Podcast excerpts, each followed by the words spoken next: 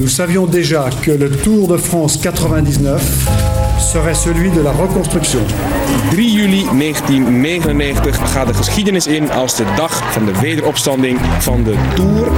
Als deze Tour de France de verkeerde kant op gaat, opnieuw schandalen en, en al dat soort dingen. Lance Armstrong has made a magical return to the Tour de France.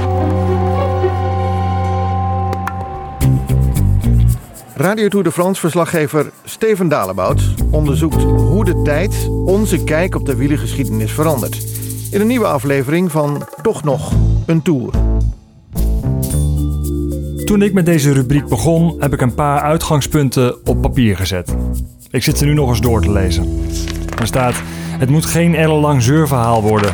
En het mag ook af en toe wel luchtig zijn. Nou, dat is tot nog toe niet echt gelukt. Toch was er in 1999 in eerste instantie juist best een prima stemming in de Tour. En zelfs achteraf bezien is dat helemaal niet zo raar. Verplaats je eens 20 jaar terug in de tijd. Lance Armstrong heeft het geheel veroverd. Hij heeft een verschrikkelijke vorm van kanker overleefd en gaat nu aan de leiding in de grootste wielenwedstrijd ter wereld. Armstrong is een held, ook op de Nederlandse radio. Adrie van Houwelingen, Henny Kuiper zei net um, dat Lens in het geel rijdt... is op dit moment het beste wat het wielrennen kan overkomen. Kun je daar iets bij voorstellen? Nou, daar kan ik me zeker wel wat bij voorstellen.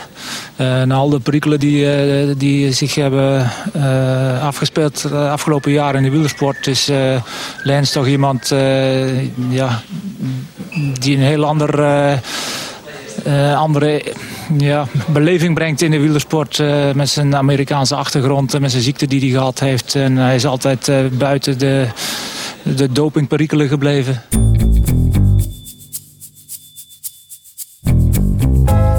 Ik bedenk me ineens, ik heb de manager van Armstrong gemaild met een interviewverzoek.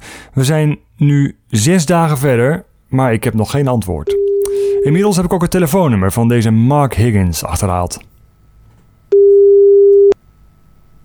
Has been forwarded to an automatic voice message system. 5125 is not available.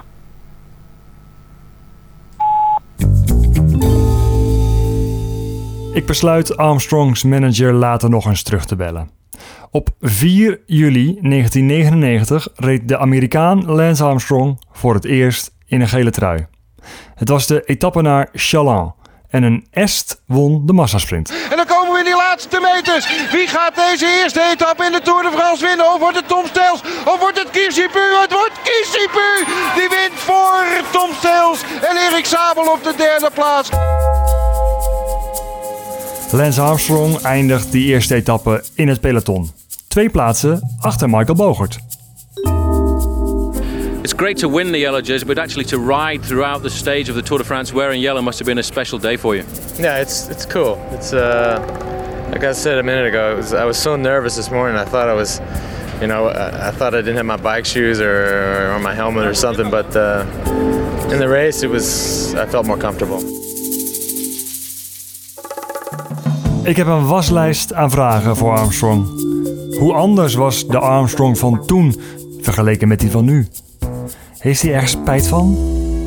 En hoe kijkt hij eigenlijk tegen het wielrennen van nu aan? Leuk allemaal, maar voorlopig kom ik niet verder dan de voicemail van zijn zaakwaarnemer. Call has been forwarded to an automatic voice message system. 5125 is not available. Hi Mark, this is Steven Dalebout, ringing from the Netherlands. I work for Radio 1. Um, I'm working on a feature to be aired this summer about the Tour de France of 1999. Um, could you ring me back about this? Thank you very much. Steven Dalebout, Radio 1 in the Netherlands.